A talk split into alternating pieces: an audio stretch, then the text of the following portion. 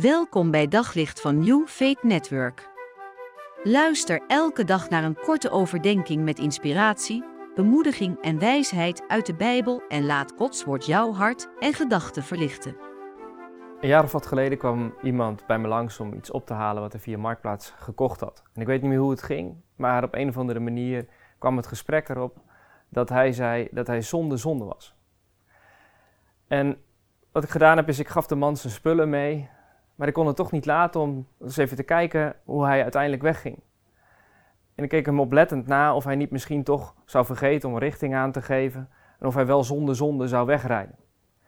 Eens zien of ik toch niet stiekem mijn zonde kon ontdekken.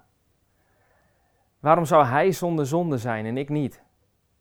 Zo'n soort vraag moet ook de oude man hebben gehad die ik bezocht toen ik nog niet zo lang predikant was. Hij vertelde mij dat hij al jaren met een bepaalde vraag worstelde. Hoe kan dat nou, zei hij. Dat kan toch helemaal niet? Jezus die noemt Nathanael een man, een mens in wie geen bedrog is. Hoe kan iemand nou zonder bedrog zijn? En al piekerend voegde hij daaraan toe: Maar als Jezus het zegt, ja, dan moet het wel zo zijn. Ik had geen antwoord en ik besloot om op zoek te gaan naar een antwoord. De vraag boeide me en ik beloofde hem erop terug te komen. Niet veel later zocht ik hem weer op en toen ik bij zijn huis aankwam, zag ik al dat er iets aan de hand was. Zijn zoon deed open en vertelde mij dat de man op sterven lag. Ik heb hem niet meer kunnen vertellen wat ik had ontdekt, maar mag ik het wel met jou delen? Voor deze broeder speelt de vraag niet meer, maar voor ons kan de vraag nog steeds spelen. Dus zijn vraag is een hele wezenlijke vraag. Hoe kan het dat Jezus zegt dat Nathanael zonder bedrog is? Hoe kan iemand zonder bedrog zijn? En daar zit natuurlijk de vraag achter: hoe kan ik zonder bedrog zijn? Bedrog is het tegenovergestelde van oprechtheid en eerlijkheid. En hoe kan ik nou oprecht en eerlijk zijn?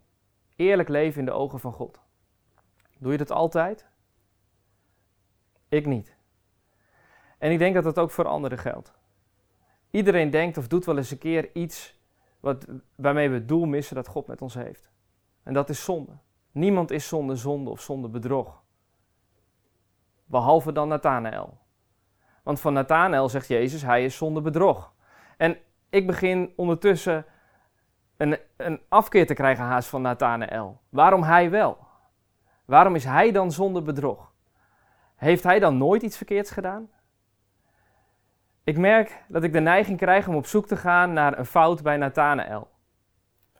En dat merkte ik totdat de Heilige Geest me bracht bij Psalm 32. En die psalm heeft ervoor gezorgd dat ik ging begrijpen wat Jezus bedoelde toen hij zei dat Nathanael een man, mens is zonder bedrog. Jezus wil niet zeggen dat Nathanael nooit gezondigd heeft. In vers 2 wordt ook gesproken in Psalm 32 over iemand in wie geen bedrog is.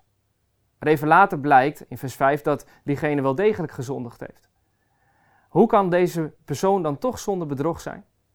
Dat kan omdat deze persoon niet stil is gaan zitten, maar naar God is gegaan en schuld heeft beleden naar God. En vervolgens heeft de Heer die schuld vergeven. Iemand in wie geen bedrog is, is niet iemand die nooit gezondigd heeft. Het is iemand van wie de zonde bedekt is, verzoend is.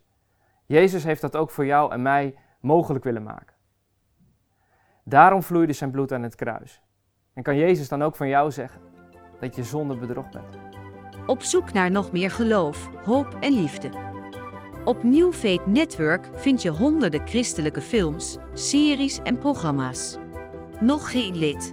Probeer het 14 dagen gratis op newfaithnetwork.nl.